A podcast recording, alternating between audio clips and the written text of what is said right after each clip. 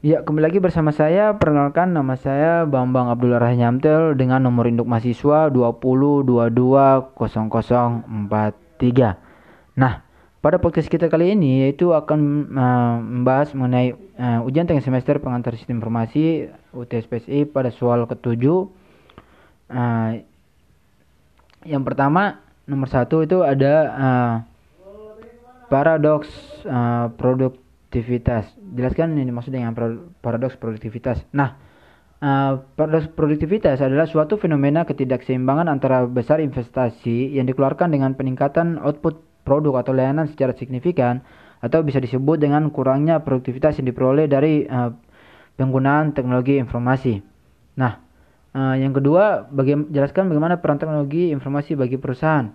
Nah, uh, pada dasarnya uh, dalam upaya memenangkan persaingan dalam dunia bisnis, penerapan teknologi informasi dan komunikasi sangat diperlukan sebagai alat bantu agar uh, organisasi tersebut dapat uh, lebih maju dan berkembang. Pembangunan teknologi informasi dan komunikasi pada suatu perusahaan dilakukan secara bertahap. Hal tersebut disesuaikan berdasarkan kekuatan dari sumber daya yang dimiliki oleh organisasi tersebut. Uh, di dalam penerapannya tersebut, rencana strategis dari suatu teknologi informasi senantiasa disesuaikan dengan rencana dari perusahaan atau organisasi yang bersangkutan supaya penerapan dari teknologi informasi tersebut dapat menghasilkan nilai yang baik bagi perusahaan atau organisasi tersebut. Nah, berbicara tentang arsitektur pada teknologi informasi perusahaan, dalam penerapannya itu teknologi informasi yang akan dilakukan dapat dikategorikan antara lain. Nah, yang pertama, aplikasi TI pada perusahaan atau organisasi yang menjadi landasan dari berbagai aplikasi yang ada pada perusahaan atau organisasi tersebut di antaranya itu network manajemen, basis data, sistem operasi, dan lain sebagainya. Nah, yang kedua, Aplikasi yang bersifat dasar merupakan aplikasi teknologi informasi yang akan dipakai dalam segala urusan dasar uh, dari sumber daya perusahaan atau organisasi. Misalnya, sistem atau aplikasi akuntansi eh, dan keuangan, sistem penggajian, serta yang lain sebagainya yang berkaitan pada sumber daya perusahaan.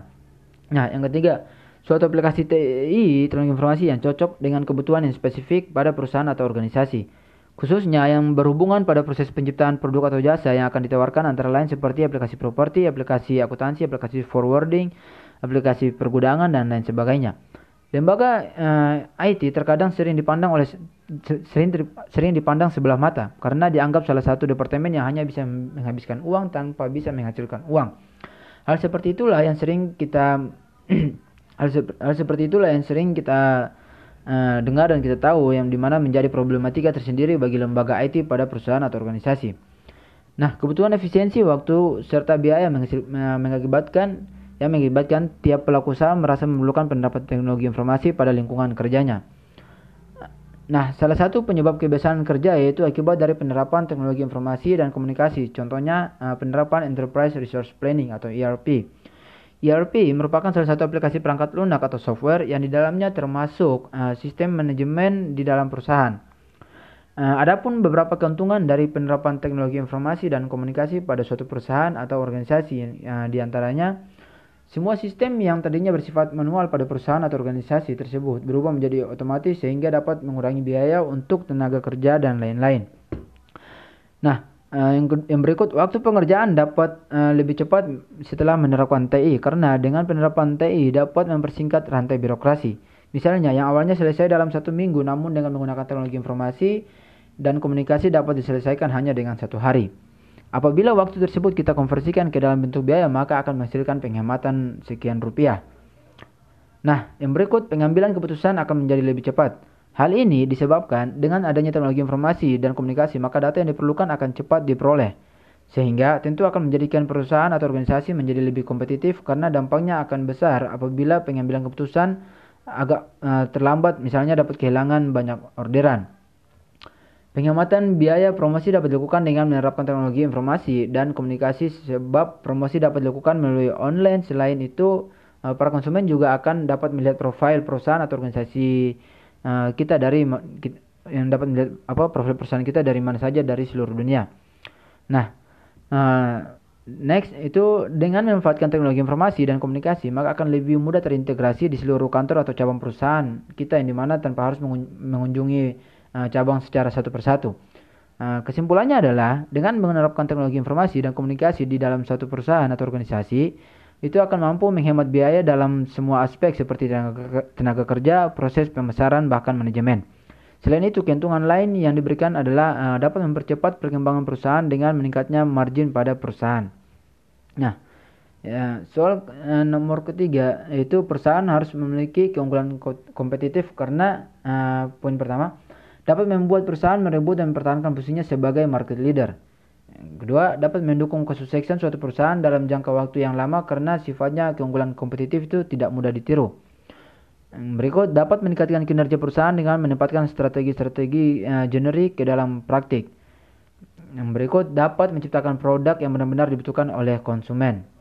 Nah, uh, yang berikut uh, bagaimana perusahaan atau organisasi dapat memiliki keunggulan kompetitif. Nah, uh, sumber daya yang dimiliki perusahaan itu berbeda-beda sehingga eh, masing-masing bisa berupa aset yang tangible dan intangible. Contoh dari aset yang tangible adalah yang dapat dilihat dan dihitung secara finansial, seperti bangunan pabrik, jumlah karyawan, jumlah karyawan dan pekerja, jumlah armada personal, luas tanah dan lokasi strategis yang dimiliki, serta jumlah dana yang dimiliki oleh perusahaan saat awal dibangun, dan juga jumlah valuasi yang ditanamkan investor dan lain sebagainya. Nah, Sementara sumber daya yang bersifat intangible seperti daya inovasi, daya saing yang datang dari kemampuan uh, khas yang dimiliki oleh manajemen, reputasi perusahaan yang yang diperoleh dari kreativitas untuk membangun uh, merek atau brand jaminan sustainabilitas yang didapat dari adanya kemampuan perusahaan uh, untuk membangun kreativitas untuk melakukan variasi jenis produk yang dimiliki serta uh, dan juga yang kesemuanya itu dilandasi oleh uh, visi misi dan, dan nilai yang dirumuskan oleh perusahaan dengan tepat dan menjadi keunggulan kompetitif yang dimiliki perusahaan. Yang berikut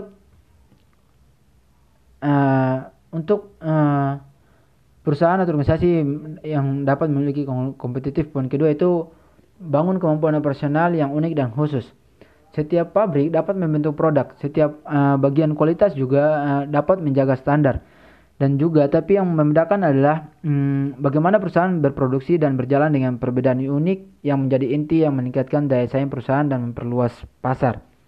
Nah, hal ini sering kali terletak bukan hanya pada mesin yang canggih dan daya kecepatan produksi sementara uh, daya saing dan yang hal ini sering kali terletak bukan hanya pada mesin yang canggih dan daya kecepatan produksi semata. Nah, bukan juga pada kemampuan uh, memprogram mesin komputer dan robot produksi, tapi pada kreativitas bagian engineering untuk melakukan inovasi yang terus-menerus agar proses operasional produksi uh, dapat berjalan dengan efisien. Nah, juga terletak pada kemampuan tim marketing untuk menemukan peluang yang tidak dapat dilihat oleh orang lain. Nah, ditambah dengan kemampuan bagian uh, sales untuk melakukan pendekatan dan memberikan solusi yang diinginkan oleh konsumen secara tepat dan di atas ekspektasi, hingga skor kepuasan konsumen selalu di atas rata-rata.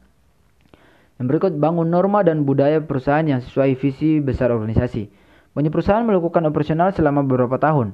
Namun, alih-alih dapat mendatangkan keuntungan yang terjadi justru selalu merugi, selalu merugi. Nah, dari mana asal uh, dari semua masalah ini? Pernahkah kita melakukan penyelidikan untuk menemukan uh, jawaban dari hal tersebut? Beda dari perusahaan yang dapat berkibar dan menguasai pasar dengan perusahaan kecil yang bertahan hidup, uh, ada pada visi misi yang masing-masing yang ini dimiliki. Sebuah perusahaan kecil yang bertahap hidup yang bertahan hidup mungkin dijalankan hanya dengan niat pemilik untuk memiliki bisnis saja, tanpa adanya suatu visi besar untuk menghasilkan produk dengan reputasi bergengsi di pasaran. Nah, hingga ia tidak memperhatikan apa saja produk yang dihasilkan, bagaimana kualitas produk dan estetika dari desain yang dibuat, dan nilai dari kegunaan produk di pasaran pun tidak melihat pada kebutuhan pasar dan selera konsumen. Bukan hanya uh, tugas bagian uh, HRD untuk melakukan inovasi itu bukan hanya juga tugas bagian sales dan marketing untuk membangun reputasi merek produk dan melakukan penjualan, tapi jadikan hal ini sebagai uh, di mana menjadi semangat bersama untuk dilakukan oleh setiap orang di dalam organisasi. Nah, dalam waktu yang tidak lama, kita akan menemukan semangat kerja yang berbeda dimiliki oleh seluruh karyawan. Nah, uh, mereka yang telah menemukan makna dalam bekerja akan menyadari bahwa dirinya dan semua karyawan lain pun itu dalam organisasi merupakan Eh, para ujung tombak yang menentukan keberlangsungan usaha dan memiliki andil dalam penentuan pendapatan profit usaha. Nah, poin keempat itu memiliki ragam uh, pendekatan menghadapi perubahan eksternal. Perusahaan dapat terkena uh, badai bisnis kapan saja. Disruptor dapat berasal dari karyawan inti yang kemudian berdiri sendiri mendirikan perusahaan sejenis yang kemudian menjadi kompetitor yang kuat.